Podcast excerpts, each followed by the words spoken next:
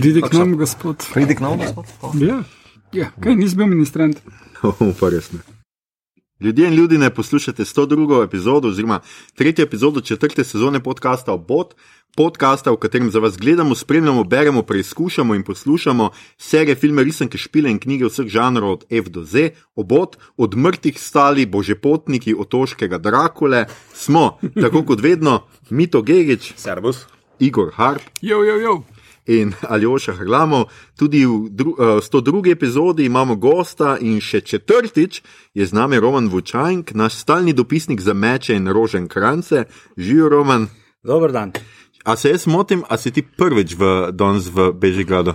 Ne, v Bežigradu ste me pa že gostili. Aha, smo te že imeli. Ja, res je. Mislim, da smo se pogovarjali o nekem fajtu, malo bolj fukena scena. z A Japonsko. ja, samo ja. še ti smo že pa se res snimali. Maš prav, smo pa že bili tle. Ne? Ja, jaz sem več čas imel v glavi, da še te nismo imeli živo.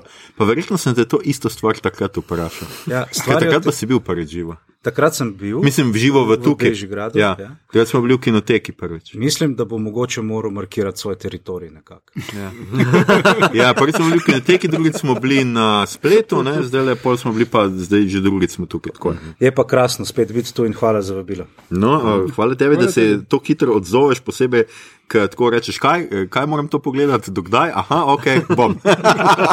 Take goste imamo na raše, natrenirane. Um, tema današnje epizode je, uh, vem, da smo prejšnjič govorili nekaj drugega, za kar se opravičujemo. Serija, ki jo lahko od 24. septembra gledate na Netflixu, Midnight Mass oziroma Polnočnica. Če serije še niste pogledali in ne bi želeli, da vam jo pokvarimo, pogledajte si jo in se k, uh, in se k poslušanju naše epizodi, epizode vrnite, ko vam to uspe. Če pa serije niti ne boste gledali, bi se pa kakšno urico kratkočasili, pa vas seveda vabimo, da sedete z nami v čovn in poprimete za vesla, ker mi prav gotovo ne bomo veslali. Uh, maestro, zaigraj eno veliko nočno. Uh.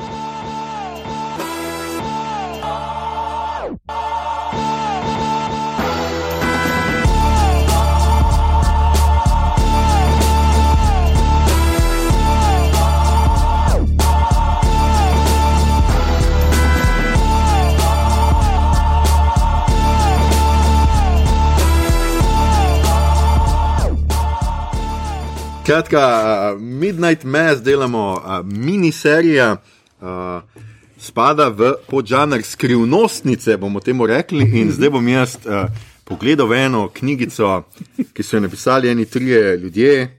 Imenuje se pojmovnik žanra, po naključju imam pri roki, ker jo moram vedno imeti pri roki, ker mi je pač vodič skozi življenje. Um, Skratka, kaj pravi za skrivnostnico, tudi svetotajka, pravi angliško mystery, je srhljivka, v kateri je resnica nekega dogodka, navadno zločina ali umora, nerazrešena skrivnost vse do konca, ko je vedno razkrita. A, skrivnostnice so torej tudi kriminalke, natačneje detektiv. Detektivke in sorodni podžanri, v katerih je na koncu razkrit pravi storilec oziroma motiv zločina, in tako dalje. Toda skrivnostnica je žanrsko širši pojem, saj vključuje tudi fantazijske skrivnostne žanre, pri katerih se na koncu izkaže, da je resnica nekega dogodka nadnaraven ali čaroben, oziroma fantazijski ali izmišljeni pojav, bitje ali predmet. Um, Skratka, to se mi je zdelo zelo pomembno, ker takrat, ko smo sestavljali tale pojmovnik, sem se namreč res spraševal, ali mi sploh rabimo uh, tale žanr, ker se mi je zdelo, da je tako malo primerov, ko se na koncu res izkaže, da je neki kar z neko racijem skušaš razložiti, da je to vseeno pol na koncu iracionalno. Ampak mm -hmm. potem, hvala Bogu, sem nekak, uh, se spomnil, da se je X in smo da se je X nadali in to je nekaj, nekaj podobnega. No? Drugače bi tudi dodal tukaj še seveda. V uh, žanrskem pojmovniku si lahko poiščete še gesla kulti, kajti seveda uh, zdaj le. Če ste do tega trenutka poslušali, potem ste gledali, če pa niste gledali, sem vam zdaj nekaj povedal. Skratka, kulti in pa malo grozljivke, gotske romance, recimo, da je tudi tukaj notri. Kaj ti ustvarjalec te miniserije je Mike Flanagan. Uh, Mike Flanagana poznate, zdaj bom naštel vse njegove filme, ker jih nima tok. Absentia, Oculus, Hush, Before I Wake, uh, Ouija, uh, Origin of Evil, uh, Gerald's Game in Doctor Sleep. To so skratka njegovi filmi ki si jih lahko. O marsikaterem smo že govorili večkrat, Gerald's Game smo omenjali, Dr. Slipa smo omenjali, mislim, da smo tudi ostale bolj ali manj. Če pa bi radi seveda poslušali kaj že prej o tem, od njega je pa seveda The Haunting of Hill House iz 2018 in The Haunting of Blind Manor iz 2020. To pa smo, uh, o tem pa smo govorili v tretjem Halloween specialcu v 61. epizodi, kjer smo veri, uh, gostili Veroniko uh, Šoster. Uh, še letos pa čakamo od njega The Midnight Club. Skratka, odločil uh -huh. se je, da bojo vsi letošnji filmi Midnight, oziroma da je to nek njegova rdeča nit po uh, uh, skratka, Young Adult romanih Kristoferja Pajka. Um, In uh, kot smo The One, šerali- Christopher Pike, The One, Star Trek. Ja, kap- prav gotovo, da sem čez Uh, mene. kot smo šerali po, po naših družabnih omrežjih, pa je uh, Flanagan ravno kar uh, tudi sporočil, kaj je njegov naslednji projekt, ker dolg čas mu pa že ne bo in sicer bo delal The Fall of the House of Usher za Netflix, ni pa zdaj jasno, ali bo to naslednji Haunting of Usher House ali kakorkoli. Mm. Uh, Ampak lahko bi bilo. Tako da. Ja, pri čemer bo spet rekel, da nekaj, če se ne sporazumemo, bo več, seveda, zgodb v eno, neki združen, ne bo točno o. Mislim, mm -hmm. se itek ne moreš House of Usher, ker je drama bolj kot Ja. karkoli drugega, ampak. Tako da, ja, zanimive projekte, zelo literarne. Če na hitro pogledamo, še seveda igralce, ki, ki, ki smo jih videli v tej uh, seriji, se pravi, govorimo o polnočnici, The Midnight Mass. Uh -huh. Kate Siegel je dobesedno v vsakem njegovem uh, filmu in seriji zdaj že. In njegovi posteli, ker je njegova žena. Ah, okay. Okay, še dobro, da si zaključil, ker je njegova žena. Drugače bi to bil zelo mizogin komentar. Mislim, uh, kako se je ta agralka uh, domogla do teh. Uh, ampak zdaj je igra recimo tudi v Ja. Night Houseu, ne, a kaj že tisto vedno pozabim. Kaj je tista grozljivka, ki si jo zadnjič omenjal, Igor? Uh, Ne vem, če je a Ne, ni, v enem drugem je ono. a ni no. zdaj v unem. Uh, The Night House ni ono, The Night House. A ja, pa Tam je uh, tale Rebeka a ja, ok, skratka. Hall. Skratka, ni važno, skratka, Kate Siegel imamo uh, skoraj da vseh njegovih. Uh, potem je ta Zack Guilford, jaz ga prej nisem poznal, tudi on je v neki glavni vlogi, tja do šestega dela. Ne? Skratka, on je igral v The Purge, Anarchy, pa Friday Night Lights, je imel kar pomembno uh, vlogo. Potem, potem imamo Kristin Lehman. To je mama od, eh, se pravi, tega glavnega enaka. Ona je igrala v The Killing, pa Altered Carbon, uh, potem uh, Cemento Slojen, uh, Scandal, Hush, spet Grey's Anatomy, potem imamo Rahu Kolija, ki je igral v iZombie, pa v Hunting of Bly Manor, uh, in pa Annabeth Gish, ki jo je bilo fino ponovno videti po njeni vlogi. Jaz jo najbolj poznam po X-Filesih, seveda kot agentko Moniko Reyes, drugače je bila tudi West Wingu, pa The Bridge. In potem imamo eh, še ene kup njegovih igralcev, pravzaprav Ale- Alex Esau, pa Henry Thomas, pa tudi, um, ne, eh, tale zadnji, ne, skratka, Henry Thomas in Alex Esau sta tudi Doctor Sleep, Haunting of Bloy Manor, uh, Ouija, uh, Gerald's Game, Doctor Sleep, skratka, v njegovih filmih, ker je pač očitno je zdaj režiser tak, o katerem res lahko govorimo, da uporablja iste igralce, Ja, ja, skoraj za. Podobno kot uh, Fincher, recimo. Ja, recimo. Ja. Uh, tako da to, zadnji je pa uh, Hamish Linklater kot uh, oče Paul Hill, oziroma Monsignor Pruitt, še en kvarnik, če, če niste gledali, uh, ki pa je igral v The New Adventures of Old Christine in v Legion. In, Jaz in, ga še, poznam. in še v eni seriji, uh, ki je bila tak manjši hit, Mad Men. Ja, Nikaj čuva. Uh, skratka, to, ja, to bi bili uh, igralci iz te uh, serije Midnight Mass. Uh, zakaj, uh, zakaj se nam je zdela vredna uh, posnetka o njej, bo pa mogoče prvi mito povedati. Skratka, zakaj nam je bila všeč, kaj nam je bilo všeč v tej seriji. Uh, Zaradi česa je mito nagovoril vse ostale, da to obvezno moramo gledati o tem posnet epizodo in nas prisilil, da smo cel vikend to gledali. No, jaz sem se malo več sajta vzel kot ti, ampak uh, mislim, da se splača pogledati, ker je taka zanimiva zgodba, ki te, uh, ki te najprej napelje na, vsaj mene je, na Stephen Kinga.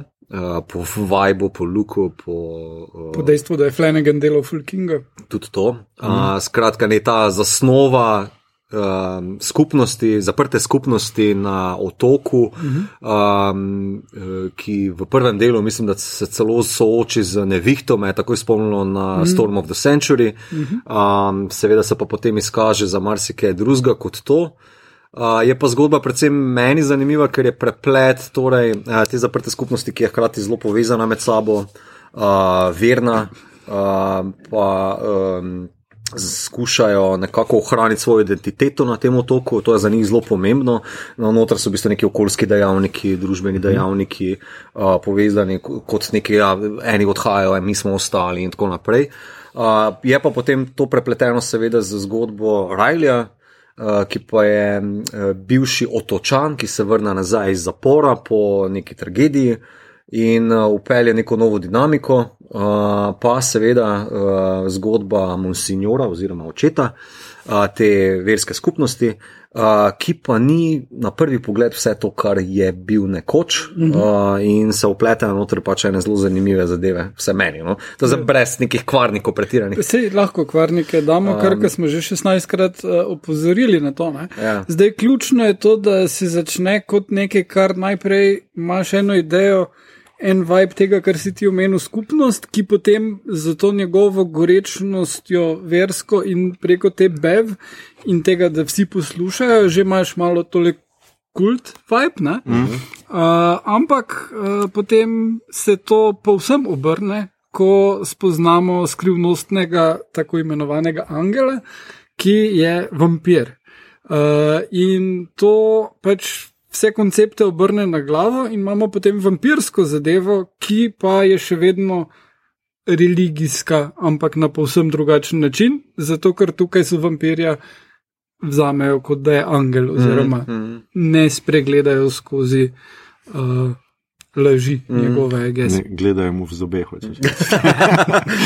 um, mislim, predvsem je zanimiva ta dinamika skupnosti pa posameznik, ne, -hmm. ker uh, Flanagan zna zelo dobro uh, dati neko plastiko svojim likom, ne, uh, z uh, ravno dovolj tega backstorija, pa uh, z minutažo, ki jim podelim, uh, da se razvije neka drama okrog tega predvsem preko dialogov, pa kako mm. v bistvu se uh, interakcije zgodi med temi liki, pol pa torej potrebe posameznika, ki jih počuti, ne, mm. pa potrebe te skupnosti, um, ki pa ima tudi zelo.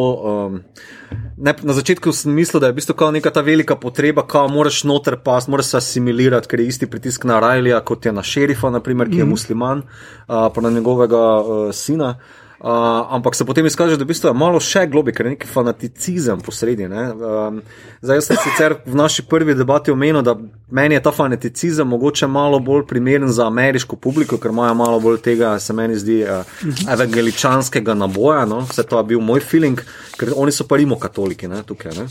Uh, in se mi je zdelo nov, zanimiv zasuk, ker predvsem jaz rimo katolištvo jemljem kot neko uh, absolutno moralno večno inštitucijo, ki zelo težko spremenja ene zadeve, zelo na široko zagovorim. Mm. In to potem, ko pridejo do teh pritiskov, pa kako oni hitro spremenijo ene določene zadeve, predvsem z tega, uh, kako naj rečem, z prihodom Angela, mm. kako hitro oni začnejo neke zadeve spremenjati, pa kao, to je dobro za te, pa mor, naša morala je v bistvu drugačna, pa jaz imam odpustek, pa tako naprej. To se mi je zdelo zelo zanimivo, kako ta dva kleša delata. Jaz tukaj imam občutek, da, da je on moral dati katolicizem not zaradi tega, ker morajo piti vino. Uh mhm. -huh. Ker to je edina, uh, kjer imaš obhajilo, še imaš v nekaterih, mislim, anglikanci tudi. Uh, nimajo pa pitja, pri nas ga tudi nimamo, to v, v ZDA pa je. To, da se pije vino iz keliha. Uh, tega ne razumem, čist, zakaj ponekod je in ponekod ni. Mogoče bi Roman tukaj lahko uh, kar skočil, če veš, v čem je fora. Uh, ja, lahko poskušam. Zdaj, tukaj ja. moram reči, da velik tega je, je neko moje mnenje iz. iz Tistega, kar jaz poznavam, pa vem, ne, nikakor nisem teolog ali pa da bi bil kak liturgist ali pa karkoli v tem smislu, zato pač je fino, da poslušalce to ve, vseeno. Mm, ampak ja, to obhajilo ne, je tu v tej miniseriji praktično eden od teh, uh, ena od, ena od dveh vsi celega mhm. dogajanja, uh -huh. cele dinamike je ravno to obhajilo.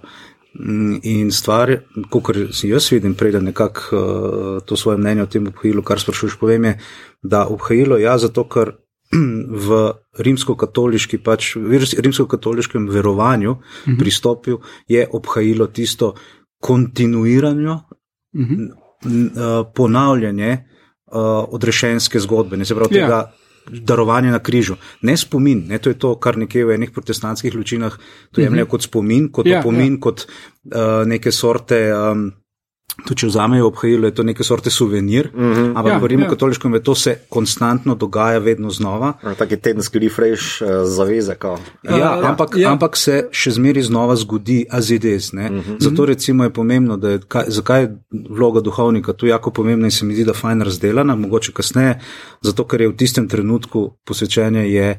Uh, duhovnik in persona Kristi, on je Kristus tam ne, in to porata vse zdaj, puf, ne, to je tisto, kar Ja. Warp Speed naredi iz tega. No, ampak kaj je to obhajanje? Ne?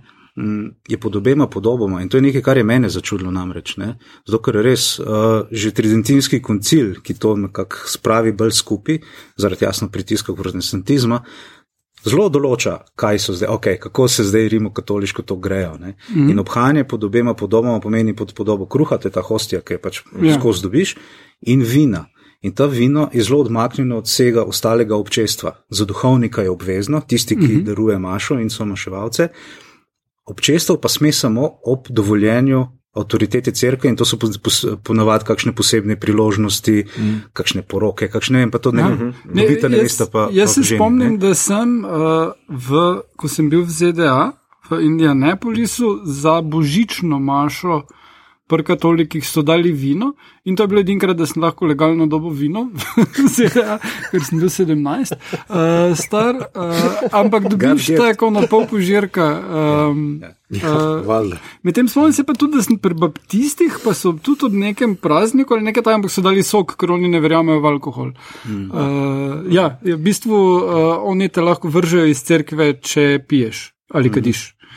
Uh, In tu je ta, ne, kot sem sam rekel, zdaj pač ja, rimsko-katoliški katekizem dejansko mm -hmm. po samem pravilniku te odzame stran od vina, ne moreš dobiti vina. Mm -hmm. Pravzaprav kamorkoli greš, ga ne bi mogel dobiti. In zdaj so to neke, kako si kje nekdo dovoli. Mm -hmm. Rečemo, da je to lokalna posebnost, da ne bomo kakšne druge okay, besede. Okay. Ampak spet, to je stvar, mogoče, ki je ravno ta oddaljenost, izoliranost mm -hmm. skupnosti, mm -hmm. ki je na nekem otoku, ki ima dvakrat na dan zvez z mainland, mm -hmm. ki jo lahko prevajamo kot svet, kot mm -hmm. Ja, ja. nekaj.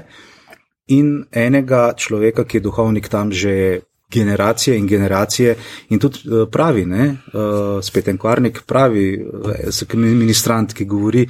se- Zdaj sem vse dementen, se mi več časa porabimo na to, da, da pazimo, da ne pade po tleh, pa hostijo trikrat Ja. povzdiguje, pa krmal tako. Ne.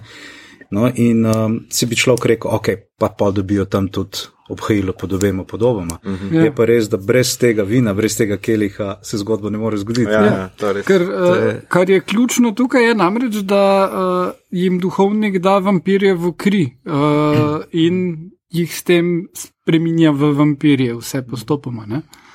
Uh, to smo prej pozabili omeniti, se samo menimo pomeni. Da bomo nekaj tehnega vprašati, veš kar ono, zakaj? A veš, kaj je tako zelo zmazljivo vprašanje v tej uh, celi zgodbi, ne? zakaj monsignor Pruitt to počne?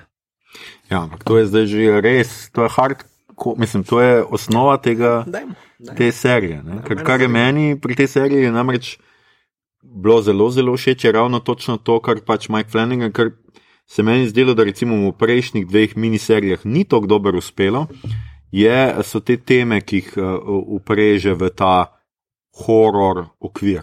Ne? In to so pač zelo uh, z- različne teme, od osebne odgovornosti za neko stvar, do tega, kaj je greh, do a, tega, kaj je vera, do strahu pred smrtjo, do strahu pred večno kaznijo.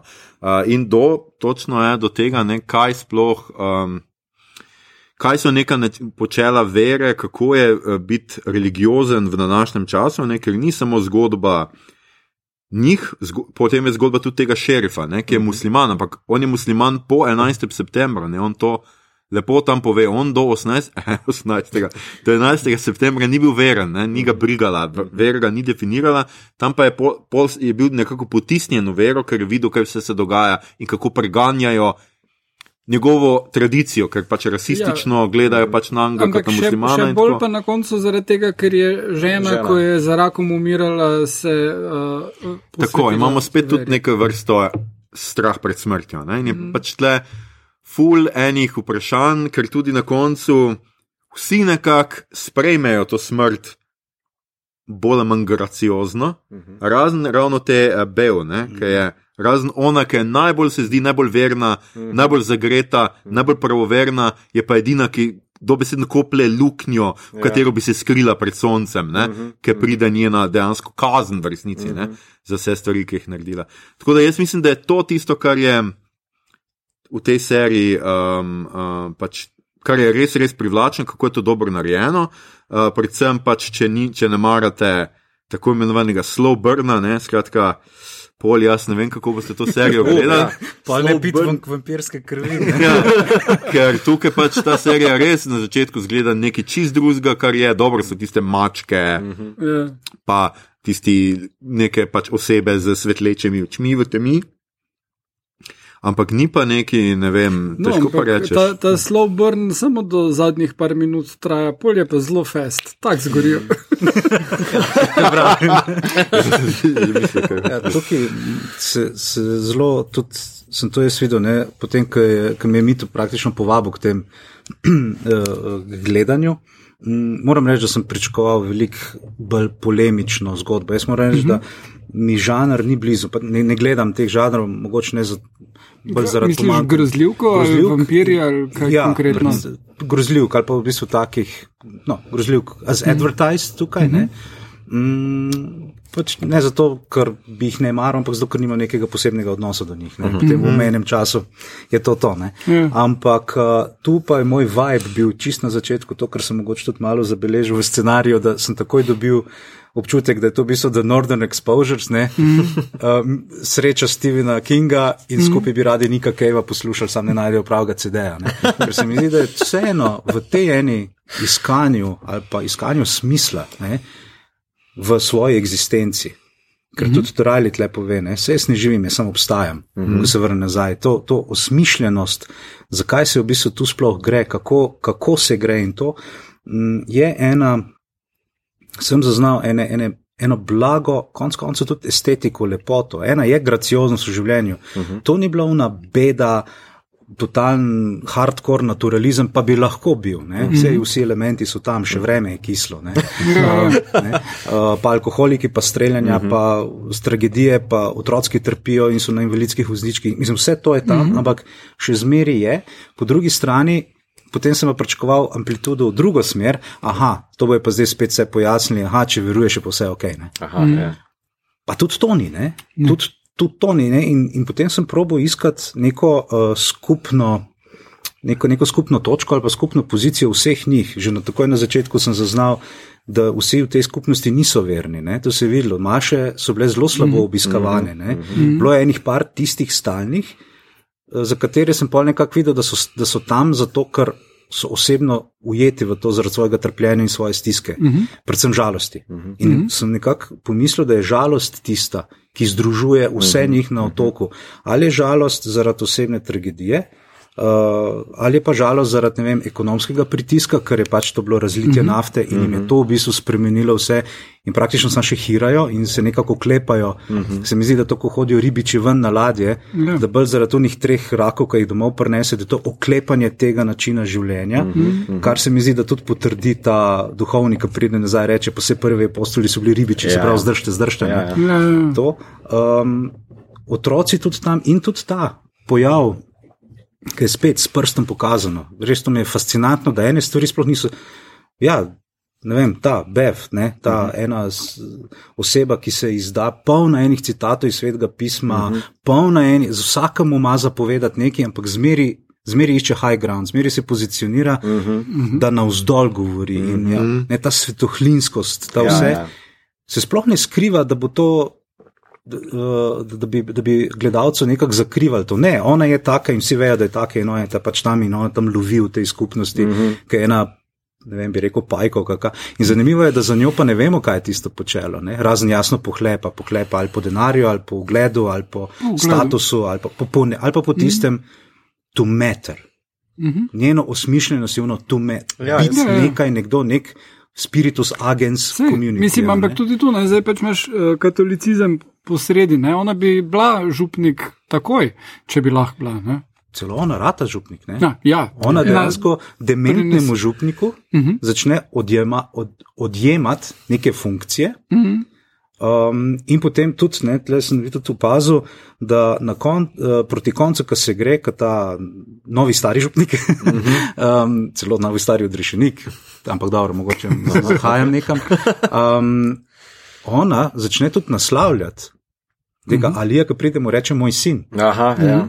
Wow, ne, to, to, pa, to pa zdaj tako, ne? ampak dobro, te, itak, neke, te vloge so tako malo pomešane, ja. malo je en duhovnik. Ma je... še več, ona dodatno, na, kako ne rečem, uh, skanalizira nek cache, ki so ga dobili kot uh, odpravljeno, ja. ja. uh, da si postavi svojo mini crkvico, kjer ona povislice dela, kjer ona, ja, to je moja skupnost, pridite sem k meni, ja. ne rabite v crkvu iti, naprimer. Ne? Zanimivo je ja. to, da potem, ko se pa res, ko se, uh, ko, uh, Rjuha s pravopisno napad, na, napako udari v ventilator, da ne bomo profenizirali tukaj.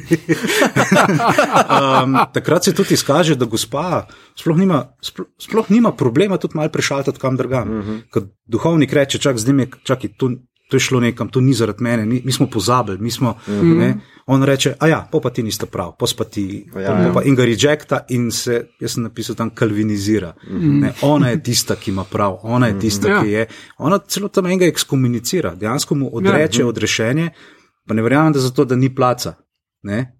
Ne. Tis, ne? Ampak ne, ti ne, ja. ti, ti pač ne. Ja, ja. ne. Tako da je to in v glavnem zaradi tega pa vidim to, to, kar jih skupaj nekako drži, je ta ena žalost, pa zdaj ali to tuga, ja, žalost, ne vem kako bi rekel. Uh -huh. In se mi zdi, da je to mogoče tako fajn, fajn začetek razmišljanja, ker po drugi strani uh, bi lahko tudi neko veselje združevali, ker vsi v njih znajo biti veseli, uh -huh. na vsak na svoj način. Ampak sem nekako ugotavljal, da je dinamika veselja bi bila za, za to miniserijo prehitra. Žalost je malo bolj počasna, uh -huh. lažje jo lahko gledaš, dlje časa jo lahko gledaš. Uh -huh pa se glih tako prijema na človeka v njegovo življenje kot veselje. Uh -huh, uh -huh. No, in od tukaj, ko sem začel razmišljati, sem pol nekako veliko bolj um, cenil to, kar ima serija zapovedati. Uh -huh. In me nekako niti ni več tehnikalija sama zanimala. Uh -huh. Veš, a ja, pri katolikih v bistvu ni to, pa ni to, pa, ali pa je, ali pa mislim, ne, se. Ni point. Ne, mislim, se nikoli ni point pri teh. Uh, Rečemo temu katoliških uh, grozljivkah, kot imaš, ne vem, eksorcist, pa vsako obsedenost, bolj ali manj z, z nekimi demoni, potem pride en župnik naokrog. Uh, ampak tam gre za boj dobrega proti zlu, pri čemer skoraj vedno župnik predstavlja dobro. Uh, tule pa v bistvu je župnik tisti, ki zaradi demence deloma, pa zaradi uh, tega, um, kar pač meni, da mora imeti prav, uh, pripelje zelo noter. Ne? Pa jaz bi še celo mislil zaradi osebne prizadetosti, uh -huh. ker uh -huh. njego, on je imel, ko je bil še duhovnik v polnem, v primu, ne, ja. tam, kamor bi jih ta zanimivo, kot pravi, ta kri vas pripelje nazaj. To the prime of your bodies. Ja. In vsi rade mladi, pa lepi, pa močni. Ja. Nihče od njih nima večnega življenja kot star Metuzalem. Ne? Mm. Ne. Ja, ja. No, in on, ko pride nazaj, se spomni, da ko je on bil tak v, mm -hmm. v originalu, Mm -hmm. je imel tam eno žensko rad in on pravi: Nikoli si nisem upal, zmeri sem te sam gledal skozi crkvo, nikoli si nisem upal dol po štengah k tebi. Mm -hmm. In zdaj imam drugo šanso. Ja. Se pravi, in to je njegovo tisto obžalovanje njegovega, pač to, da je imel rad njo in ne poklic, ker se ni znal shendati Ja, s ja. poklicom, in to, da je bil strahopetec. Uh -huh, uh -huh. In zdaj to, to hoče izsiliti zdaj noter in tle vidi odrešenje, in za collateral damage pač ni se ustavil sam pri sebi, pa mogoče bi se lahko. Ne, zdaj bomo pa vsi skupaj. Ja. Ne? Zdaj, zdaj pa vsi skupaj z nami, ne? spet dajmo se grupirati. Ja, ja. Ja, ja. Tako da um, je pa zanimivo tudi to, da ne vem, a je sploh. Ne, en, je enkrat je omenjeno zlo, mislim, da v miniseriji, takrat, mm -hmm. ko ta uh, šerif uh, uh, musliman reče, ravno tej bev, tej svetoslin, ki reče, sonce bo posijalo na hudobne in dobre enako. Ne, Ja. ja, Ja. citat. Drugač pa se sploh ne ukvarja nič, ne zlom, ne s hudičem, ne z ničemer. Vse je Sej, sej. vse človeško nekako. Ja, ja, ja, zelo dosto humaniziranje. In, in zanimivo, da ne rabimo ne? mm. tega protipola. Samo mogoče bi poznalo biti zanimiva dihotomija, glih med tem, ni toliko žalost, kot pa obžalovanje, ki ga vsi nekako čutijo. Ne, ne vem, Riley obžaluje to, kar je storil, uh, ko je v bistvu eno bil uh, za volanom. Um, uh, potem Erin obžaluje svoje razmerje uh, z njenim bivšim ali nekaj tasga. Um, edino Bev. Ne obžaluje ničesar. Ničesar. Ona, ona zastrupi psa, stari. Ja. Da, nima, nima obžalovanja, nobenega. Pa da ko onega odpošle, ja, stari, nisi bil not, nisem te videla v nedeljski maši, nema ništa, kao čau. Ne? Noben, mogoče to zanimivo, bolj dihotomija. Ne? Ne, pa tudi to je, kar je pa naj, eh, mislim, da ključna stvar. Uh, župnik reče, da za smrt tistega, ki, ki ga pomotoma odrine, uh, tega alkoholika, um, da ne čuti obžalovanja in da mu je tale pač kri ali kakorkoli angel prinesel to, da nima krivde in da ta človek si itak želel biti mrtev, ne, kao, uh, in da je on k temu pomagal. Ne. In prav se mi zdi ta neki ideja odpustka. Gre pa povsem v, v navskrižju z krščanstvom, pa ne zgolj katolicizmom, zdaj, ampak nasploh tudi mormoni, pa muslimani, pa vsi, uh, vse, vse religije, ki izhajajo iz, iz, iz tega uh, župe, um, imajo problem s tem. Ne? Povsod so ljudje probali to ufurati, ne? ampak to ne gre. Ne? In to, to bi moral biti tak vsem ostalim. Zelo tak alarm. Uh -huh. uh, pa so vsi, ah, ok, kul, cool. nič ja. več krivde.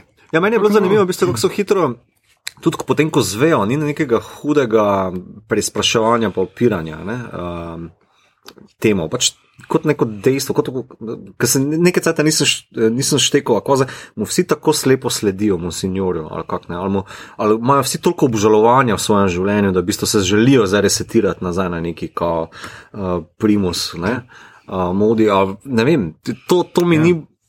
To, to je tisto, ne? to je tisto, ker, ker sem nekaj rekel, mislim, da ste celo tebi prvič, da to je miniserija, ki bi jo lahko naredila tako ateist ali pa antiteist in katolik in oba bi lahko zagovarjala mm -hmm. stvari. In je to ena od teh, ki bi recimo lahko rekel jasno.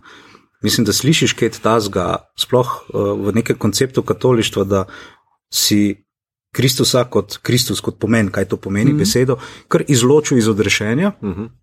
Hmm, potem bi nekdo moral tam ustati srce, pa bi rekel: čakaj malo, easy. Ne? In to vsak, ki ima tako ene tri razrede, vera, uka. In zanimivo, da to skupnost dela, ki sicer ni vodljiva, ki je jako trmasta, ki ima jako neke svoje smernice, hkrati pa ne moramo reči, da so egocentriki, ne? so zelo družine skupaj, tudi pomagajo si. Ne? Recimo ta Erin, pa mama od Rajlija, tudi šele takrat mal pa niti ne poče, ampak takrat se, se nategnejo stvari, kaj jim prije povedati, da ralija ni. Mhm. -huh. In ta mama od ralija reče: čak ma, in to ti govoriš, ko smo ti tok stali ob strani, tok pomagali. Uh -huh. Tako da mi je to bilo jako čuden element in to je ena stvar, ki mi ni ničis jasna, kako to, da so kar ljudje tam rekli, ok, malo uh -huh. si razlagam s temi kulti, uh -huh. zaradi tega javnega ozdravljanja te male lize, mm -hmm. da so ljudje si s tem kupili nekak žetonček, mm -hmm. kar je malo zgodovinsko, ne, uh, kupovanje odpustkov, recimo. Sam mehanizem ni isti. Ja, ja. Odpustek podrešenja niste ja, ista stvar. In... Pa tudi uh, posredi je seveda velika karizma, ne, um, ja. signora, ne. Mislim, mm. če se samo v igralcu omeni, ja, kako ja. je. Ne, ampak tudi uh, tu je, ne, to, to dosti jasno. On kot monsignor ni bil nekaj posebno župnik, vsi so ga imeli radi, ampak kogarkoli, ki ne zlorablja otrok, bi imeli radi. Uh, Dočim, uh, potem, ko postane. Uh, Pol, ne, kar ni, sej, on večkrat omeni, da je bilo točno tam, kjer je uh, Savel uh, mm -hmm. srečal uh, Boga ali strela vdarla ali karkoli in je postal Pavel. Ne?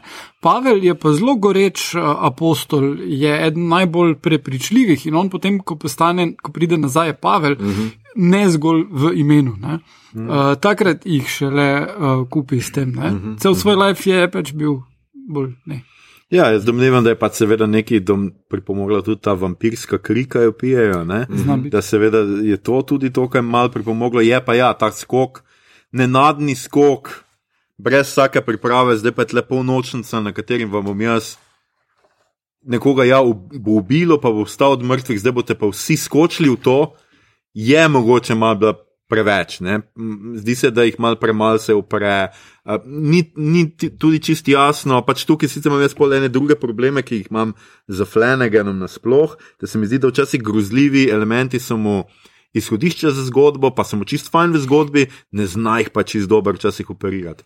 Meni se tukaj recimo zdelo, da. Um, da a, pri vsej tej dobesednosti tega, ne, ker tukaj, kar, kar je meni pa zanimivo in zaradi česar res mislim, da je to to kratalo, je, da postane to odrešenje pač dobesedno ta obred. Ne. Skratka, jejte meso in kri, pride zdaj, ja, res boste, mogli boste jesti kri, ker pač je to, tis, od, če- te sa od tega boste živeli, ne, od tega boste živeli. Sem pač Kar je recimo pol tam noter, pač to klanje v cerkvi je zelo benigno, vse skupaj je zelo ne, ne meseno, nič ne zgleda nikakor, zelo je PG-13, uh -huh. vse skupaj narejeno, meni se to recimo ni dopadlo.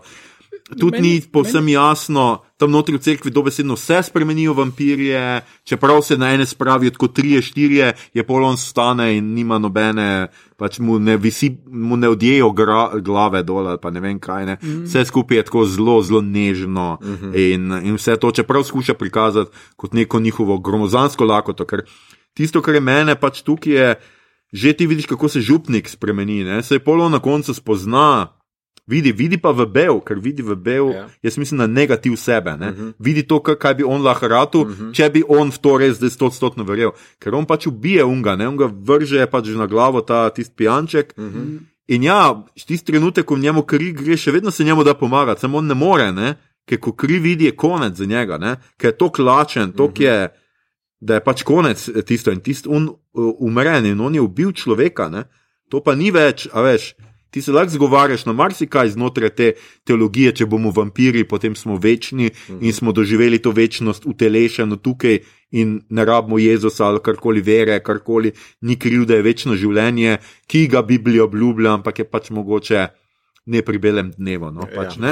uh, ampak ko pa ti ubiješ človeka, pa so neke limite. Ne? In tukaj to je bilo meni mogoče še bolj neverjetno kot pa sama ta Maša, mi je ta trenutek, zakaj on, tle niti malo ne dvomi, še lepo, ko pride njegova bivša ljubezen uh -huh. in tukaj on uh, pač mal pomisli. Čeprav tudi to, a veš. Zdaj pa z neko full logiko tu operirati je pa tako, tako ne. Ker sem tudi kakšen starejši človek, bi tudi se mogel spomniti, kakšen je ta Monsignor zgledal, ko je bil Ja, ja, mlajši. No? ja. Ker če je bil on z mamo od Une, to pomeni, da to ni bilo 600 let nazaj. ne. Prav, veš, kaj tu jaz odpišem, ker v bistvu res, res stare, uh, vidimo zgolj mamo od eh, zdravnice, pa ta sam Monsignor. To je ne. mogoče res, A Veš, uh, Ostali bi Mogoče- se ga z otroštva mogoče spomnili, Ja. ja. da je tako izgledal, ampak zdaj pa. Ja, no, se to, Ja. to čisto razumem, da se ga otroci ne spomnijo. No? To je še nekako logično. Sem, to, to, še, to še bomo nekako spustili. Uh, ne, to s cerkvijo pa mislim, da je namenoma šlo uh, malo bolj PG, zato ker smo imeli eno par filmov ali pa serij, ki so imeli scene z nekimi pokoli v cerkvi. Najbolj znano je bilo Kingsman. Uh -huh. In enostavno ne moreš narediti boljš kot tisto, ker je insane. In mislim, da tudi ne bi sodlo not. Uh, lahko bi bila malo več, malo več logike tam, ampak ne zdi se mi zdaj nujno, da bi tisti pokol pa zdaj res bil na ravni korejskih uh, ali pa japonskih filmov. No. mislim, cerkev na koncu že zgleda, kot da je bilo na Ja, ravni ja, ja. japonskih, ampak tega ti not vidiš. Pa se to ni taka blazna zamera. Sam, zdi se mi pa zelo zanimiva ta odločitev. No. Mogoče, mogoče meni bolj zanimiva ena stvar je, ker oni imajo neko agendo, uh, ki se izkaže preko tega, da uh, zaklenejo pred Mašo celoten otok. Ne? Oni pokvarijo ladice, mm. uh, ne vem, kaj še telefonske linije, whatever. Naredijo tako, da ne more noben pobegniti. Um, in imajo agendo, kaj da grejo potem na otok. Ne? Me- Mene to zanima. A je to bila. Misliš na kopno? na, pardon, na kopno. Uh, a je to domislica Bev, ali domislica ja. Angela, ali domislica Župnika, ali Bev. zdaj Bev. Ne? Ja. Ja, tam sem imel nek sestanek, na katerem ne zvemo, neko un zmoti fotor. Mm. Sestanek ne zvemo, kdo je kaj je rekel, pa mm -hmm. kaj je bil točno načrt. Ker seveda predtem, preden so šli na celino, so seveda mogli tudi pomisliti, kaj bo pa z vsemi unimi, ki ne bojo prišli k maši. Ja. Ja. Kaj bo z unimi, ki ne bojo. Ja, hoteli sej tega tukaj- koraka narediti ne, pri tukaj- Maši, ne? Tukaj Se ima to- ja, pardon. uh, Fruit ima plan in to je, da oni ostanejo zaklenjeni v cerkvi. in bi potem šli na kopno ali karkoli. Ne? In bi se potem, ko bodo preobraženi, zmenili, kak pa kaj dalje, ampak Bevin plan je potem pa pač kilomov. Ja, Bev je bolj ne. Jaz tudi mislim, ja, da je Pruitt želel, uh, mislim, da je celo nekaj rekel. Ne jih spuščati ven, dokler niso pripravljeni. Ja. Ja. Se pravi, dokler ni vse poštimano, ranks and files, mm -hmm. naloge razdeljene, ampak tega vnaprej niso mogli narediti pred preobrazbo, ker potem trčijo ob zid odpora. Mm -hmm. Ja.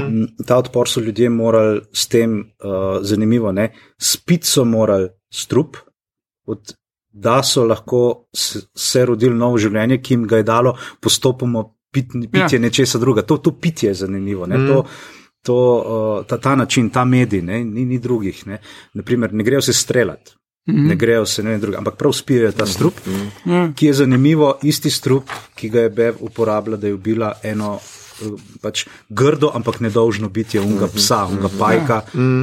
Najboljšega prijatelja in v bistvu praktično verjetno edino živo bitje, ki je tistega Joa imela rado. Ne? Mm. Nekako tako. Zanimivo je, ta, mi je to. No, pa v glavnem hoče reči, da je prujet, ja, res, da je imel narediti, ok, dajmo se mi najprej zrihtati, pa pol gremo ven. Ja. Pa mogoče sem pomislil na to, da, dajmo, dej, da vas najprej, da vas naučim, kako handlati s to Ja, lakoto. ja. Zato, da ne pride do tega, ravno do česar je prišlo. In jaz pa mislim, da je BEF v bistvu bila samo ena zanimiva, to mogoče zdaj le mal um, uh, posodabljam oziroma aktualiziram, uh, nekdo, ki pride do krize in nekdo potem prevzame vlogo, se samo kliče za kriznega menedžerja. Aha, ja. Ne? Ker ta vrata, ki so se odprla, ne, prihaja do tega, da malo stvari uhajajo izpod kontrole, ampak mm. pol bebkao prevzame in ne, ne, pa, pa gremo po tej poti. Mm -hmm. In to se ene parkrat zgodi, s tem mm -hmm. požarom, recimo, ne, ki pol kar malo ona izcenira, pol s tistim, kaj bomo naredili, recreation center, pa tudi tam malo pobegnejo stvari. Ne, tako. mm -hmm. Zdaj, uh, tisto, kar je meni tako zanimivo, je tale angel, ne, ta mm. kar ena entiteta angela, ki prvič ne samo, da ni angel, zato ker je grd, ne, ampak tudi mene je tisti prvič, ko sem videl tisti, ki je dal uh, v tej sveti deželi tam pri, na poti v Damask, uh, izpil kri monsignorju, ok, ni problema, predatorju je koliko češ, ne, tudi lahko tudi prispodoba česar koli, ampak da si pol uh, angel odpre žilo in mu da kri pit. Ne, vse v redu, sem, dragi monsinjor, ki si rimokatolik, to bom pripisal tvoji demenci, da si pozabil, da so angeli netelesna bitja. Ne? Ne? In pa bi nekdo rekel, ja, pač pa je obsedeno telo. V redu, ne, sem spet, dragi rimokatolik, angeli so sli, angeli delujejo sami po sebi. Eni drugi duhovi obsedajo bitje. In nihče se ni na to spomnil. Ja. Ja. Nihče ni rekel, hej, čakaj malo, ne. Ja, ja, Easy. ja. Kako smo mi zihar, da je ravno to angel? Ja. In uh, ta angel je skozi neki tiho, razen je rekel takrat neki kao drink, ne, ravno tam, verjetno v neki stari aramejščini, ki se jo pol monsignor nekako znal, universal translate. Ampak na mačke se je spravil tale, tale angel, ne, tistem začetku. Uh, Kar tako mal, brez nekega vidnega načrta, mal popije kri. En ga zvabijo, eno bajtonga, drug dealerja, dealer, ja. bovla, ne.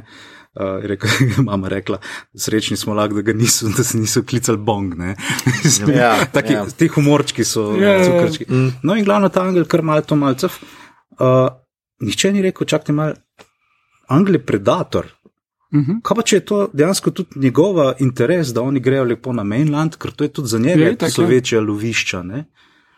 Ne, tak, to mi je tudi hmm. zanimivo. Da, in spet, za zgodbo tak, se v bistvu ne manjka, ni, ni, ni tak nek plot hole, če ne veš, kaj je angel. Čeprav je tako malo. Ja, pa se bližino, tudi ne. nosta piščejo izgovore za njega. Ja, se v bistvu oni do enega šestega, sedmega dela niti ne, ga ne vidijo, Bev ga vidi, pa Monsignor, mm. Rajli ga vidi v petem. ne. Um, pa vsi ostali pa samo kripijajo, pa so, hej, ok, super, 20-letniki zopet. a ne. Ja. Um, Pa ta angel, nekako spet komični moment. Kaj ga oblačil, ta klobuk, pa, pa A ja. ja. plašč, pa poluno albo. Pa, nek Slenderman, neki. ja. Sam, sam to naredi, mislim, da. Tisto. Tam gre nad mačke, takrat mislim, da mu pač ni všeč dež. Na uri je. In polom gre pa tiste mačke, bek spravi, takrat ga vidiš in potem ga še enkrat samo vidiš, pa pol ga pač oni oblečajo v, v ne vem, tale duhovniška oblečila, kar zgleda zelo lepa travestija. No. Kaj pa še eno, ena razlika med monsignorom in Belom? Ne? Ker v bistvu, meni se zdi, da monsignor dejansko nekako skuša pomagati skupnosti, kao revi- revitalizirati svojo skupnost, zaprto, to obožano uh, družino, ki jo ima. Medtem ko Bev, ne pa se gre čisto za to neko evangelizacijo, no, novo, uh -huh. uh, nov gospel, ki ga bomo mi zdaj rukli na kopno. po svoji podobi. Ja, pač kakorkoli. a ne, a Veš, to se mi zdi, da je v bistvu monsignora mogoče malo bolj zrukal, ko je videl posledice tega, ali pa da je tako neprečakovano. Tudi uh, ni bilo zdaj nekega jasnega zdrsa v njeno zgodbo, ne, z njegove strani. Um, mogoče predvsem na ta račun, ker pač ona tako hitro prevzame vajeti z svojim, tako sti rekel, kriznim managementom. Ne. Ampak ona tudi vedno, res fucking, vedno najde izgovor v skripti. Se to je to, ne? to je, to, zato jaz tako vidim te ene momente, tukaj se zgodi. Ok, zdaj bo mogoče malo to preveč elastično Ajde, skupaj. daj. Ne? Ampak na en moment se je zdelo, pa čakaj malo, pa mi se, se mi tle gledamo nek, nek, neko prevrženo ali pa neko popačeno podobo zgodovine krščanstva tle. Ne? Veš, je neko stanje, Mhm. in je pol se nekaj zgodi s krvjo, in je neko odrešenje ali pa obljuba odrešenja in to. In se potem človek more na podlagi ideja svobodne volje odločiti, ali verjame ali ne. Če vzamem, da je vera človekova duhovna kapaciteta, ne, mm -hmm. ne ravno religiozna ide- identiteta ne, v tem mm -hmm. smislu. Uh, in potem je spet grajenje skupnosti, vsak s svojimi težavami, vsak s svojimi zdaj to, kar smo že prej povedali, vse. Spet je treba dodajati neke uh, bivanske znake ali pa neke zunanje znake, kam to vse skupaj pelje, ker pač vera only takes you so far, fajn je, če ti to neko manifestacijo dobiš tudi noter ali po počutju ali po nekako prijemljivo, ne, je to, uh, ker treba je vedeti, da uh, zanimivo je to, da vsak od teh malih čudežkov ali pa to dejansko pri, daje boljše stvari za ljudi, recimo tale Liza. Ne, ona lahko shodi, uh -huh. ampak pol je tudi en tinejdžer se upal zdaj pristopiti k njej. Uh -huh. Ne, to je, to je, za tinejdžerje je to bila tudi ne, tale uh -huh. Kajl, ne, brat od Ralja. Potem imamo tega Džova, ki iz enega, ona, ta uh, Liza, ki se je spet dala, ki se je dala na noge, ki je brez, uh, ki po svoje hodi, ona je tista, ki mu je sesula v obraz, da ga sovraži, uh -huh. da to, kar je življenje vzeto, ampak mu ona odpušča. In od tega Ja. ja. trenutka Joe ima šanso, želi si biti boljši. Ja, ja. Želi si biti boljši. Se pravi, da to neki tele odzveni nekega dobrega, ali pa ne vem, nek nasplošno dobrega, vseeno obstajajo noter. ne. Vsekakor, ja. In spet to. In potem pridemo do tega institucionalizacija. Vsak kult, vsak zmnožek kulta, vsak enostavno mora iti skozi to prizmo, čim je skupnost v igri. ne. In je mogoče to ena od tistih sporočil, zmeri bomo gledali nazaj v the early stages, ker nas, tako kot ljudje, zmeri gledamo nazaj, early stages otroštva, vse ne vem kaj, ker smo nekako nevoščljivi ali, pa- ali pa ljubosumni ali pa kaj na tisto nedolžnost. In rali uporabi, ki ga duhovnik ne na tem AA, meeting, mm -hmm. AA meetingu Ja, ja. vpraša, kaj počutiš. Ne mi lagati, zdaj, mi pa, do- zdaj pa kaj občutiš ob tem, kad ti rečem, da jaz ne čutim nobene krivde. Mm -hmm. In on reče najprej jezo, pa pol ful jezo, pa, ful, pa na koncu reče ne. I'm jealous, mm -hmm. zato ker ti to imaš, jaz pa tega ne morem imeti, pa sva isto naredila. Mm -hmm. In a way. Ne? Ja, ja. In mene to dol teži, ti se pa počutiš, kot da si gor ozet. Mm -hmm. In se mi zdi, da v tem, ko gledamo to, plus ta BF, ki sem že omenil, da rata mal reformirana protestantka, mm -hmm. porača militarizirana, spet je to kalvinizem. Prav tako se mi je zdelo, gledamo in potem na koncu. Si rečem, na zdaj so si pa še planet požgali. ne. To je to, to, kar se mi, na, mislim, mi to delamo zdaj. ne. Ja, Pa vemo, kam to gre. Vemo, ampak ne, imamo nek zagon, nek Götter Demerung, ker so tudi oni, vse so vedeli, vse je rekel UNBF, hej, veš kaj, ob tem vetru mogoče ne bi, da mi dva to Ja, ja, pogasiti. ja. Ja, ne, Ne. ne, ne, ne. Tako da mogoče le vidim eno tako zanimivo, skompresirano verzijo, Ja, ampak to je ja, samo moje mnenje. I like ne it, I like it. Meni je zelo všeč, ful dobra interpretacija. Ja, se na zadnje pač tudi ta vampirska lakota, ne, to, to bo uničilo svet, ne, dejansko bo oni žrlice med sabo do tistega trenutka, ko bojo vsi vampirji kaj pa pol, ne, pa ko bojo vse požrli. Ne. Ker tle tudi niso imeli neke računice, razen da bojo pač unih par nevernikov, ki pač tam jih bojo dali na stran pa popapcali. V vampirskih štorijah, kjer imajo nek plan, ne, kot je The Strain, recimo, je, da potem pač imajo koncentracijska taborišča z ljudmi, ki jih gojijo za to, da imajo kri. Ne. Sjajno. Tako da iz tega, da odrešenje do koncentracijskih taborišč. uh, Ja. Ja, pa to tudi ful dobro paše v ta, v ta interpretacija, da v bistvu kao na koncu pa res mladi izpadejo kot kao oni, ki uh, so dovolj brihtni, da ali uvidejo, pa da imajo nek message o tem, kaj se dejansko zgodilo. a Veš, kao nek, uh, tak, ke na koncu samo uh, ta mala lis, pa on, uh, njen fant, kolega, mm -hmm. uh, sta edina, ki pozna ta zgodbo, edina, ki bo ta znala neki nov evangelij kao povedati mm -hmm. naprej. Ne tak je dejansko bil, ki so ga želeli širiti, ampak nek resnico. a Ne. In, ja, in kak, če je to mesec, kar ona tudi mislim, da je celo zadnja poved, uh -huh. je rekla, ne čutim več nog. Ne. Ja. Prav, to je, mogoče pa to tista druga šansa. Ne. To me spominja na hudičega odvetnika, ne, ko pa na koncu on naredi tisto, kar naredi najbolj hudo stvar, ampak naredijo s tem enim namenom, ki je prakti- praktično nekako. Teološko edini, ki reče, ajde, ok. Ne. Ampak se ene stvari resetirajo, kar se drugače ne dogaja. To je tisto, kar je onkraj naravnega. Ne? Če narava zmeri teče v eno smer, razvoj dogodkov, to preskočiš nazaj, je to tako zelo. Zdaj pa to se pa ne dogaja zelo pogosto. In Mogoče se je na nek simboli, simbolni način to tudi njima zgodilo, da vse veste, nista zgubila spomina, nista vse, ampak sta dobila neko novo možnost, ampak v nekem zavedanju. Imate možnost ne ponoviti vsega skupaj. Mislim, čist Ne. pač Adam in Eva sta. Ne? Ja, Uh, ja, to sem direkt Spoznanje. Ja, Ja. vse. Ja. Ja, in ko to praviš, tle sem tudi nekako se mi zazdelo, da spet gledamo vseh teh uh, grotesknih, izmaličenih nekih ali verskih obredov, ne s temi, ki smo rekli, uh, podoba, pod podobo uh, vina, uh, plus to, da vse ostalo tehnično pa klapa.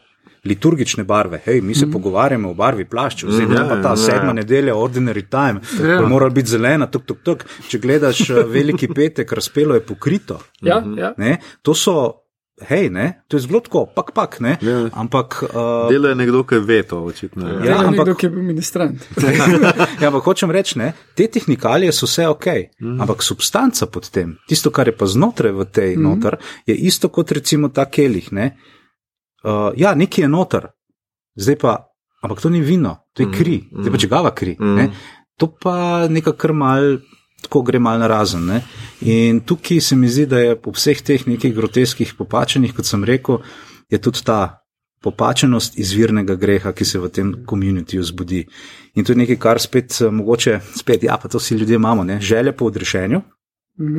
pri čemer je to, no, se če pa lahko, ne, mogoče pa lahko bližnjico uštimamo, uh -huh. pa si bomo mi odrešenje lepo v evro- eprovetki dali, mislim, uh -huh. eprovetka je lahko tudi ta angel. Skratka, narejeno bo, tle imate, gotovo, off the shelf, ne. Uh, bypassa šunga, ki ti je rekel, ne, če veruješ, je pač to Kristus, ki odrešuje. Ne, uh, ni bypassa tle. Ne. In to zmeri, če se bo zaciklo, zmeri bo to. to. In uh, zanimivo je to, da ta otok ni bil nikoli paradiž, nekako so si ga hoteli narediti, ampak ta dva sta se, ne, Kajl pa Lisa sta se izločila, prav tako, nekako sama sebe izgnala ven in zdaj so na čuničku in neki bo, ne. Tako, zan- no. Sej, hvala Bogu, eh, še ostaja zelo katoliško, da niste na splavu. Res se upravičujem. Ne, ampak malo to, kar je Roman tudi rekel, meni se tudi zdi to zelo tudi pomembno ne, za, za celo uh, štorijo noter.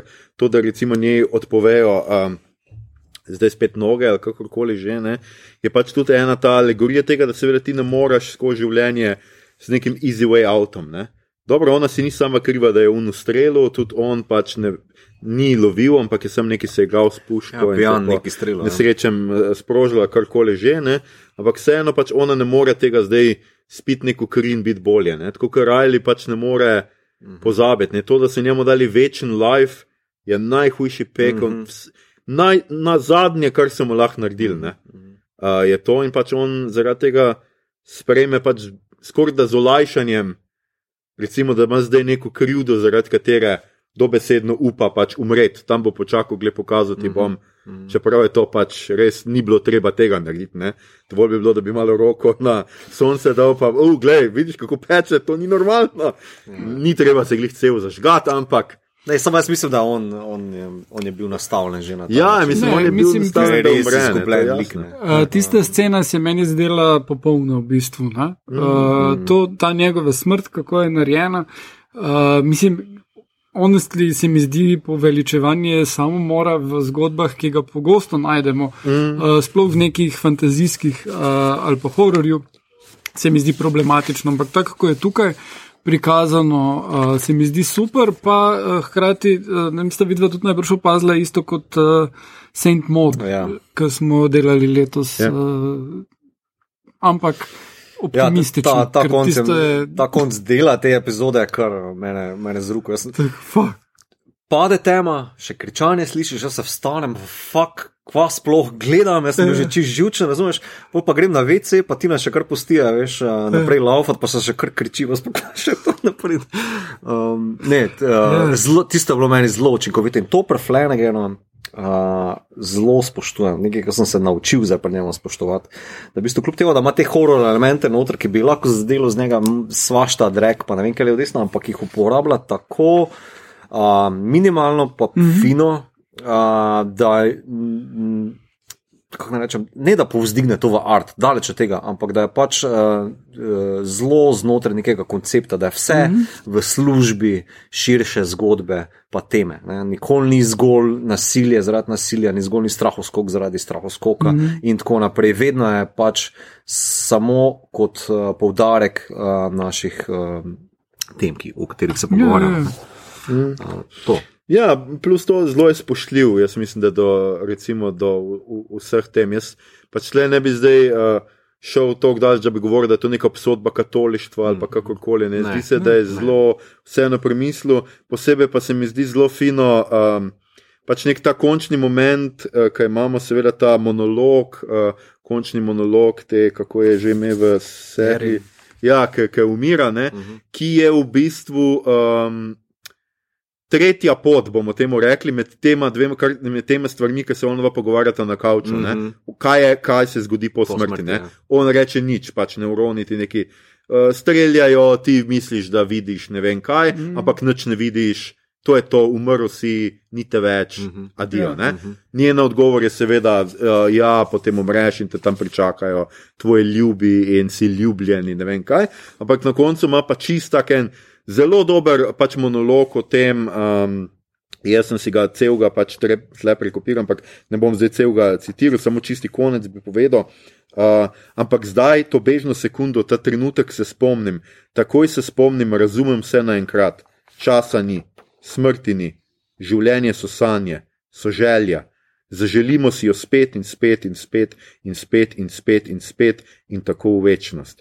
In jaz sem vse to, jaz sem vse, jaz sem vsi, jaz sem, da sem. Mm. To se mi zdi tako, pač, ker govori tudi o tem, pač, da smo mi samo energija v praznini med nevroni, med atomi in kakorkoli že, pač ta energija, ki je noter, ki je v vsem in ki si ti del te energije. To se mi zdi tako zelo panteističen odgovor na pač, kaj se zgodi uh, po smrti. In je v bistvu en tak lep. Ne moreš reči, da je nek blazno tragičen. Seveda je tudi ta tipični element grozljivk, ne, ker ne vemo, a je uh -huh. da monster eh, preživel ali ne. Un reče, da je tok pa tok milje do kopnega, uh -huh. ne more, gleda kako leti, ne more preživeti, ampak ne vidimo pa ga, da pade. Ne. Mhm. Pa tudi če pade, bo potem samo padli angel. Točen tudi. Ja, to je, ampak to, to, to je taka um, res zanimiva stvar. Sploh jaz sem takoj, ko sem poslušal že njun pogovor, mm -hmm. uh, se mi je zdelo fajn, ker vidim, da je to tudi ena nova tendenca v razumevanju. Um, kot naša tehnologija in sposobnost zaznavanja narave. Mm -hmm. Ne govorim narava, ne v smislu samo narava, kot jo vidimo okolje, ne? kot Ja, neka biologija. vesolje. vesolje z naravo vesolja, se pravi, nara, s to, kar ti s čutili zaznaš preko fizikalnih zakonov, da to zaznavaš, odkrivaš pa to, ampak tudi naravo tega. Teh uh, uh, pojavov, teh entitet, tega vsega. Ne?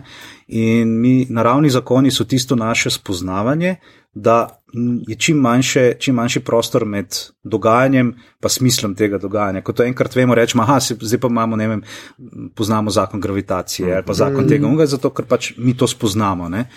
In to je to. No, in ko se to širi, tudi vidim uh, to tendenco, uh, pa ne samo teologov, pač v tej neki disciplini, ampak nasploh razmišljanje res o življenju v povezavi s to eno energijo. Ne? Ker vse, kar je v vesolju, praktično tisto, kar spraviš na un kvantum razumevanje in zaznavanje, je energija. Praktično, mm -hmm. Niti ni gibanje, niti ni je ali pa ni, ampak je energija v svojih teh nekih pojavnih oblikah. In v zadnjih sto, pa še nekaj letih smo nekako res se vidim, to nekakr pan, panteizem je v bistvu v tem nekem pristopu mm. k tem.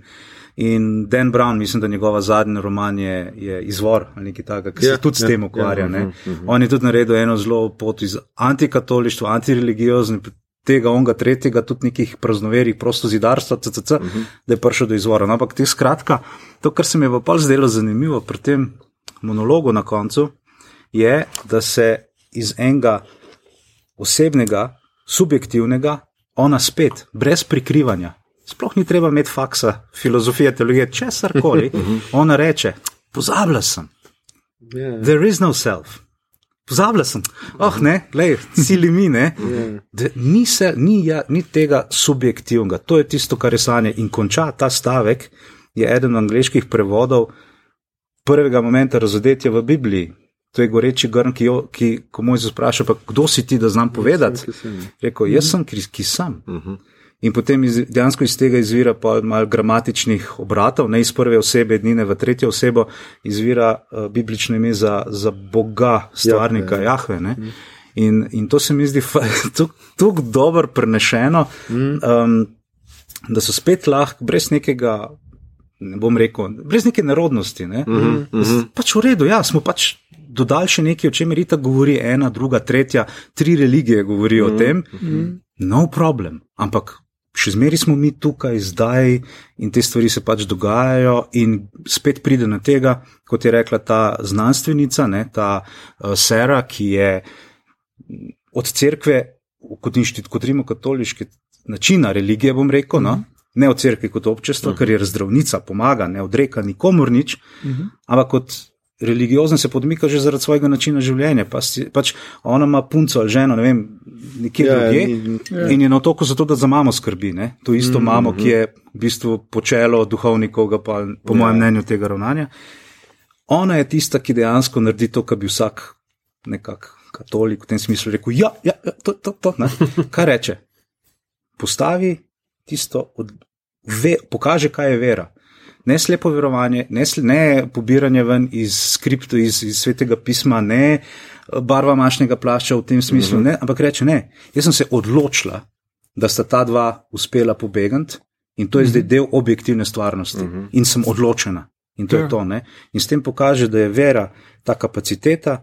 Ne rabim empiričnega dokaza, čeprav ceno temelji, cel life temelji na empiričnem dokazovanju, kaj vidi pred sabo, pa meri, pa tehta, pa mm. kri, pa laboratoriji, pa vse živo.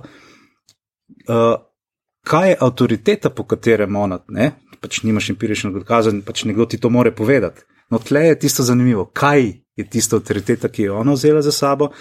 Gotovo ni tisto, kar je okrog nje, kar je uno kriono izplunila, vampirsko, mm -hmm, pa je hotel njen fotor kao rešiti. Mm -hmm. Ne, pluna je ven, ne bom. Ne? Uh mhm. -huh.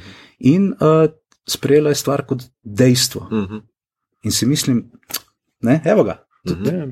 O tem se lahko mi pa nekako gradimo. Ne? No, in pol iz tega, vsega, tega končnega monologa, pač ko se to zdaj nekako uh, preide, uh, je tudi ta ena mirnost noter, uh -huh. ne, ker ona, ki to se njej dogaja, je zanimivo, da ta angel se v teh redkih trenutkih, ko se pokaže kot in bitje, ki deluje, se pokaže takrat, ko se hrani. Uh mhm. -huh. In zanimivo je to, da ona reže ta krila dol, ja. mislim, lukna krila. In ona, če din enkrat se mal neki zdrzne in ona ga lepo tako z, z roko pripelje, da ja, ja. srkaj naprej. Ja, ja. Srkaj ja, naprej. Ampak ta ne, nežen, ne en nežen, zdaj bo to full skok, ampak materinski način. Ja, ja. Je in naprej. Mm -hmm. In tako naprej. Tako da to je tisto, kar mi je super fascinantno in z tega enega uh, vidika delanja, meni serije, no, mm. kakšna ena blagost je noter. Yeah. Ja.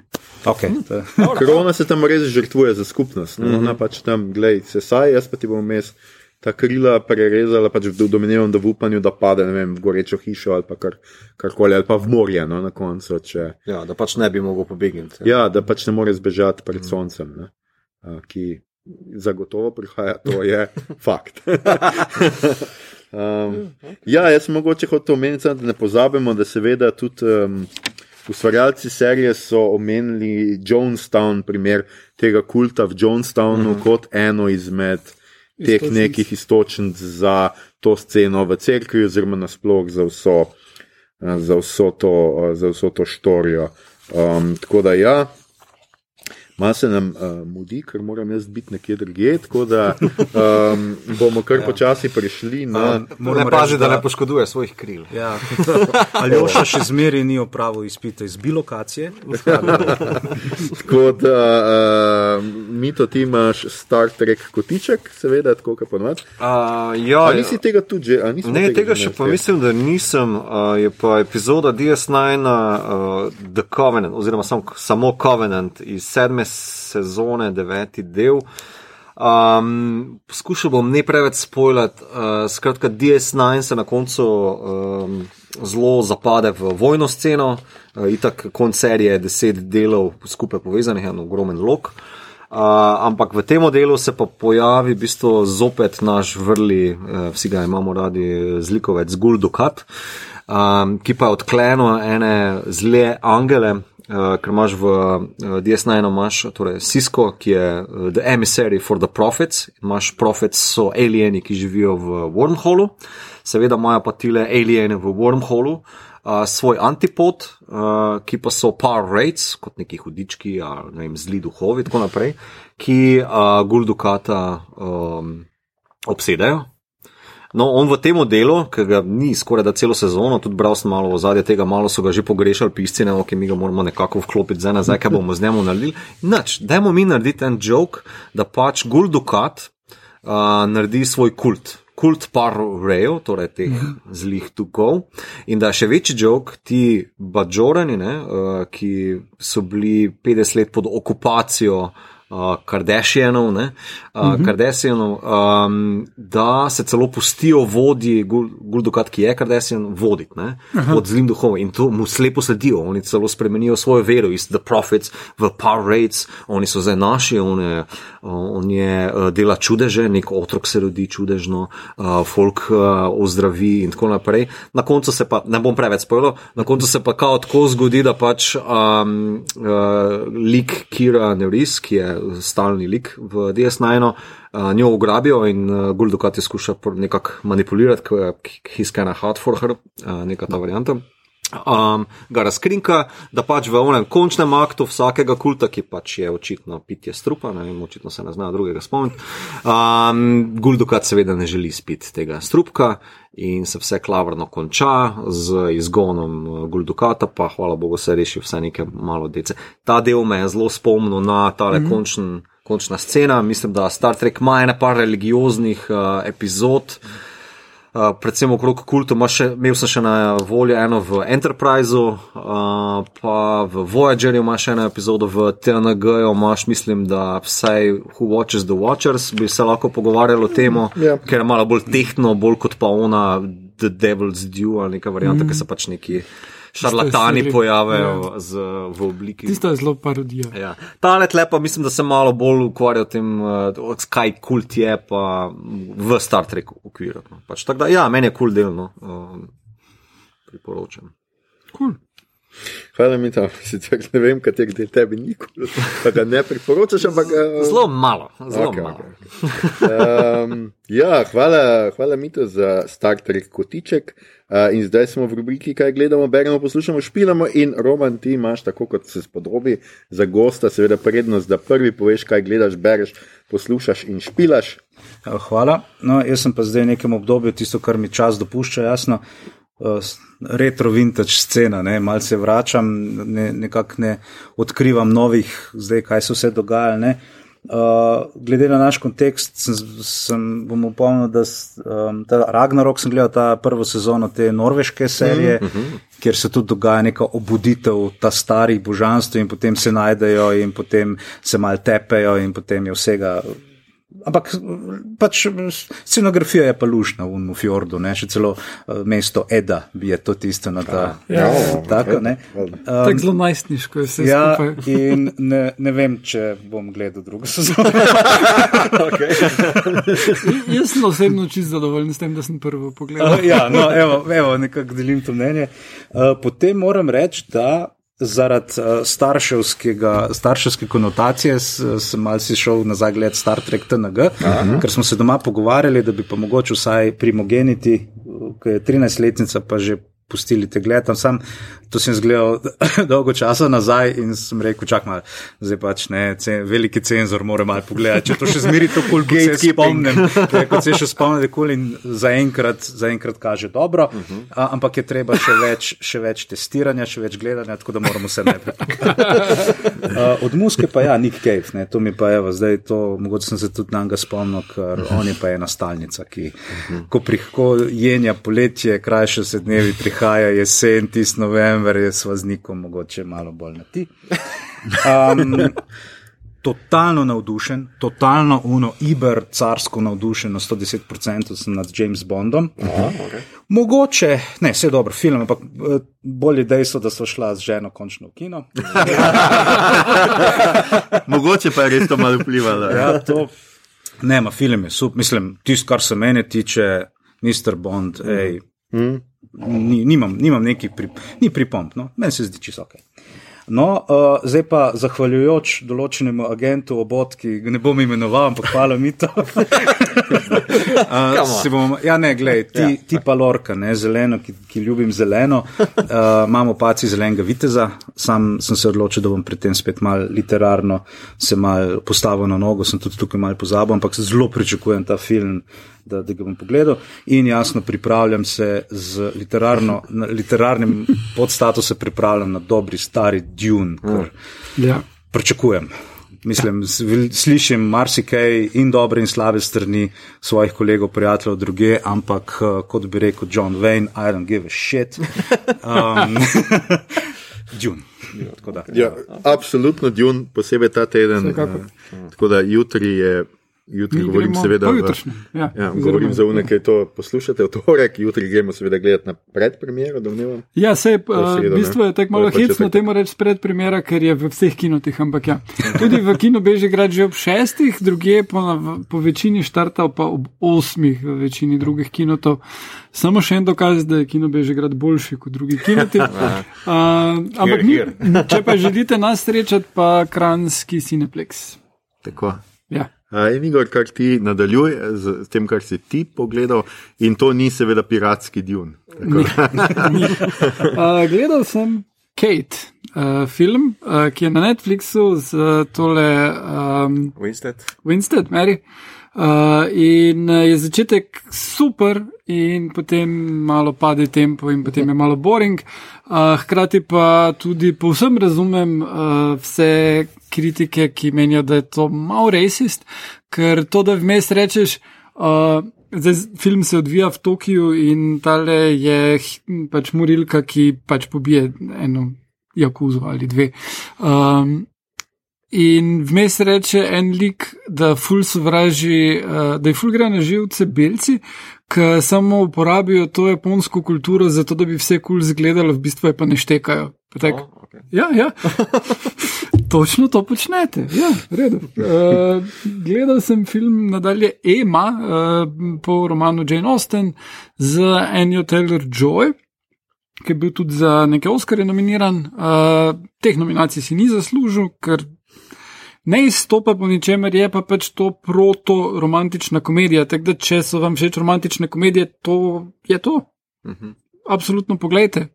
Mislim, kostume, bil je nominiran za Oscarja za kostume, lušni kostumi so, sem pa videl dosti boljših, ampak vedno more neki to viktorijanski biti med nominiranimi in se mi je zdelo nepotrebno. Ampak je pa lušen film, Anja Taylor Joy je super. Uh, full folka iz Netflix serije igra noter uh, in so tudi iz Sex Education, so kar zabavni jih drugače videti. Uh, dost manj navdušen sem nad Halloween Kills, noč čarovnic ubija, ker uh, ma.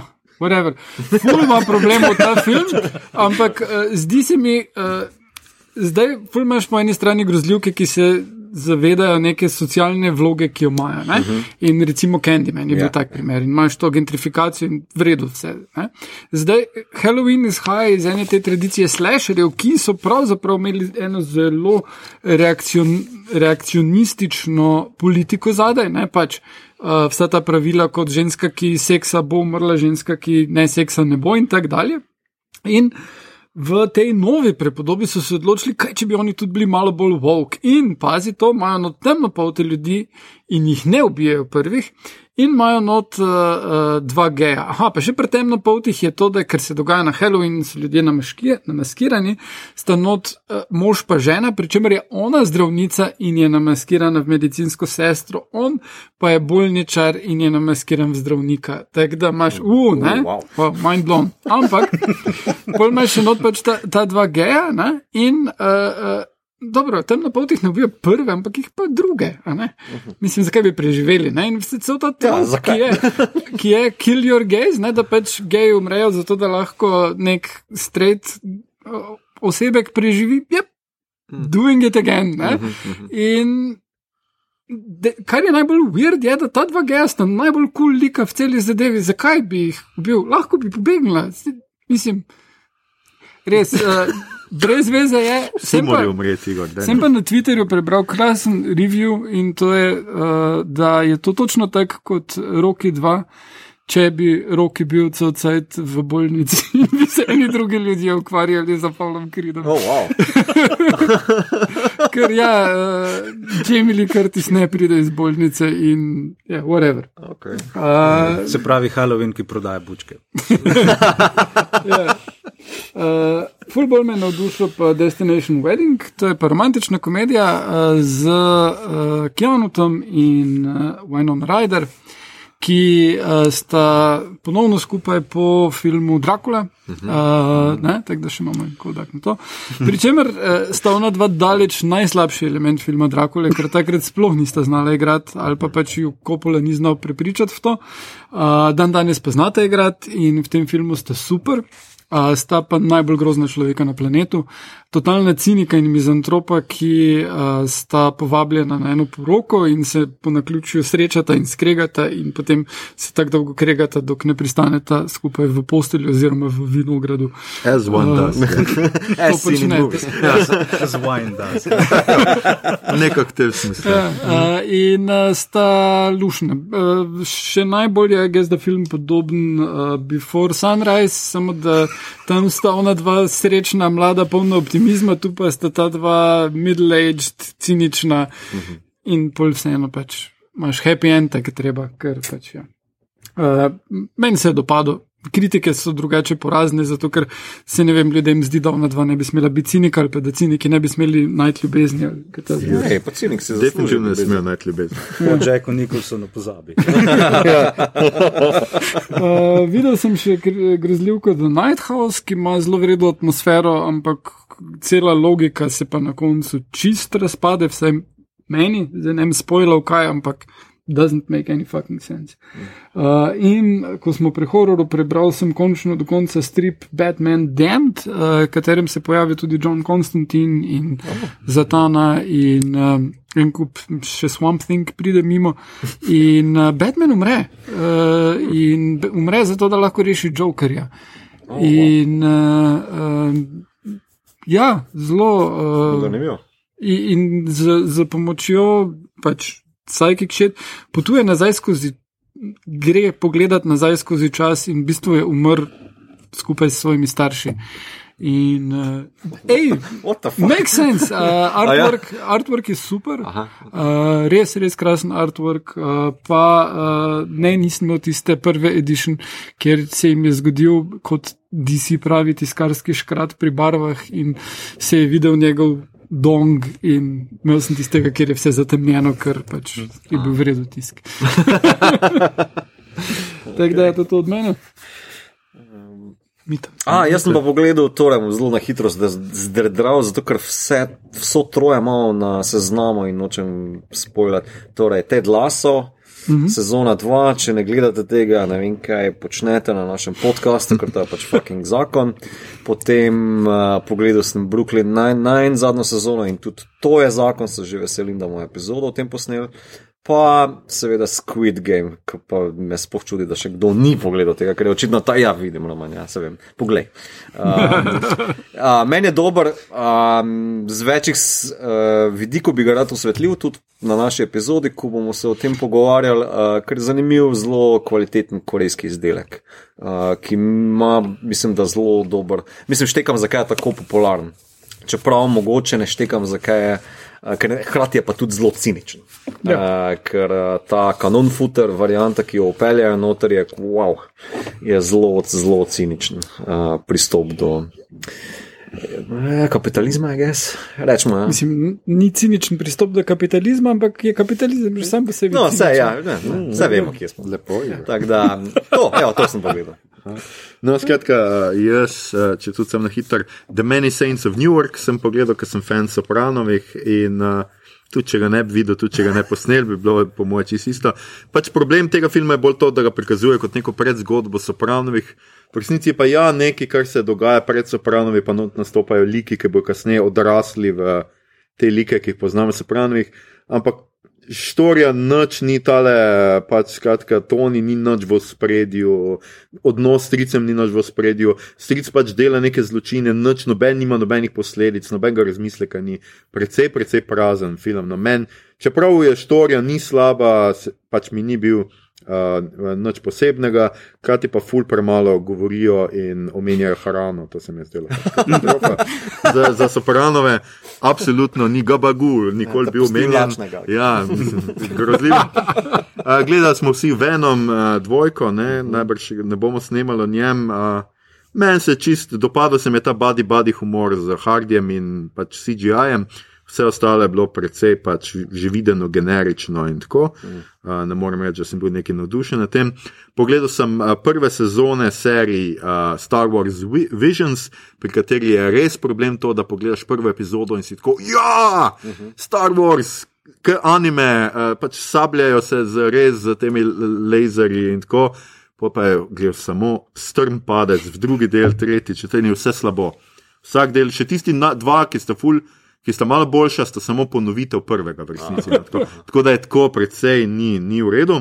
Pogledal sem uh, Marvelov What If, uh, še eno animirano uh, serijo. Ki tudi ni nič posebnega. Problem teh serij je seveda animacija, ki je tako pač zelo čistunska, pač ni, ni v njej nekega presežka, hkrati bi pa rada bila serija blazno akcijska, uh -huh. s full dogajanja in z malo štorije. Meni so bili všeč uh, uh, What if T'Challa became a Star Lord, uh, ker se mi zdi, da je pač čala super. Zombiji so mi bili čist kul, cool. najboljši del pa je bil zame, ki ima sicer prenesljivo nizke cene, pa je What if Killmonger rescued Tony Stark, ker se spet pokaže, da je Killmonger, Killmonger najboljši negativec v MCU. Uh, okay. uh, to in pa pogledal sem prvo sezono Calls iz Apple TV-ja. To pa je skratka, uh, lahko bi temu rekli, animirana serija, ker v resnici je samo audio, ti poslušaš glasove, je pa neka Windows animacija, čeprav ti zelo koristi, no, ker ti kaže včasih povezave, malo geografsko ločen sliko, ampak poslušaš samo klice po telefonu. Skratka, cela serija s klici telefona in je, so zelo bizarne zgodbe, pa zelo različne. Edino, kar mi je res ni bilo všeč, je zadnji del, ki skuša vse skupaj zaviti v eno štorijo. Vse to pa ful prevečkrat je ta časovna anomalija. To je ene štiri ali pet epizod, je to, da nekdo kliče, pa pol gozbi, fuck, jaz kličem iz preteklosti. Sicer ja, na koncu je to vse povezano, ker je ena štorija, vse skupaj, ne, sam mast je že boring tam vmes, sta pa dva, mislim, da prva epizoda, pa tam ena četrta, so pa fenomenalne. No, tako da zelo, zelo priporočam, je pa to bila prva sezona, ki je uh, la, letos prišla ven, tako da ne bi druga, pa je pa po neki francoski. Uh, Ni po izraelski. Mislim, da je po francoski. No, okay. uh, ljudje in ljudje, ne boste verjeli. To je bila že naša 102. epizoda. Poslušali ste podcast, ki se oglaša in mej obot, podcast za serije filme, risanke, špile in knjige vseh žanrov od F do Z, ki ga gosti mreža Apparatus. Z vami smo bili, ha, Roman, ena je gracioznost v življenju, Vučank. Uh, Mito, skušal bom ne preveč spojljati. Kegič, uh, Igor, vse religije, ki izhajajo iz te župe, Harp. In Aljoša Bev je bolj praktična. Uh, tole epizodo smo znova posneli v našem stalnem štabu, kino gledališču Bežigrad, ki se mu tako spet zahvaljujemo za gostoljubje. Vas pa predvsem vabimo v kino. Ne vem, ali je to sploh treba ponavljati, ampak te dni je zunaj kar nekaj dobrega. Pojdite kaj pogledati, drugače nam ne boste uspeli slediti. Mi pa vam obljubljamo, da bomo skušali pogledati vse dobro, kar prihaja na platna ali ekrane in da bomo vsem, kar bo tega vredno, govorili tudi v naših epizodah. Če vam je bilo všeč, kar ste danes slišali, delite, všečkajte naš podcast, naročite se nam preko vaše najljubše aplikacije oziroma ponudnika podkastov. Um, dajte nam kakšno oceno na Apple Podcasts, spremljajte platformo aparatu z odličnim izborom podkastov za vsakega. In če boste v naslednjih dneh slučajno primašili v kakšni vukujebini in bo župnik začel govoriti uh, malo take čudne reči, ne se ustrašiti to je katoliška maša, to je posebno normalno in Slovenija je ena sama vukujebina. Tako da dihnite, izdihnite, preštejte do deset, preverite, če imate omrežje, če je podcast obot dosegljiv, če je, je vse pod kontrolo, vse imate pod kontrolo, ker imamo mi vse pod kontrolo. Podcast obot razlog, da ima babica tako velika ušesa. na Twitterju nas najdete kot adpodcastobot, na Facebooku in Instagramu kot podcast skajamobot, brez pikcmes, tja delimo rajce, reprikolce, novice sveta žane in druge zanimivosti in tja lahko usmerite vse vprašanja, pripombe, komentarje, traktate v duši in smislu, predloge, kaj bi za vas pogledali naslednjič. Predvsem sledite našim družabnim omrežjem v naslednjih dneh, kajti objavili bomo kar nekaj nagradnih iger, s katerimi se boste prikopali do našega pojmovnika, do ene knjige, ki smo jo citirali, če ste bili zelo pazljivi, ki so jo napisali trije ljudje, le kdo bi to lahko bili. Um, to je bila že 102. epizoda, tretja epizoda četrte sezone, ki se daje za vas. Opravičujemo se, ker smo vam zadnjič rekli, da bomo tokrat delali Brooklyn 9-9. Tak je bil načrt, vendar se ni šlo po njem. Namesto tega bomo najbrž cel Valentinov special, se pravi daleč, daleč prihodnosti, ali celo epizodo kasnejšega datuma posvetili sitkomom, med drugim tudi omenjenemu. Ker smo ven iz karantene, smo načeloma znova na standardnem dvotedenskem urniku, ker pa je zdaj toliko dobrega, zanimivega, nujnega zunaj, se znova poslušamo že čez teden dni, ko bomo govorili o najbolj vroči seriji ta hip. Ja, prav imate v južnokorejski Squid Game, potem pa kalamari špil. Kalamari špil. Tako. Um, Jaz sem to rekel, kaj je ligni brez meja. Uh, potem pa ne pozabite, uh, ta teden v sredo oziroma četrtka na redni spored prihaja peščeni planet Dune, o katerem bomo torej govorili v 104. epizodi, ki bo najbrž, ne vem, na sporedu že 2. novembra. Dovolj časa vam bomo torej dali, da ga v miru pogledate. Če boste v sredo v Cineplexu v Kranju, se pa seveda vidimo na premjeri filma. Vmes pa vas čaka še četrti Halloween specialc, ki bo na sporedu najbrž. 29. oktober in se prečujem za vse, najbrž men, da mogoče. in tako naprej. Veliko nas bo posod, ostanite oglašeni, da ne boste česa zamudili in naslušanje obodovke in obodovci, kdorkoli in kjerkoli že ste. Amen, za nami. Uh,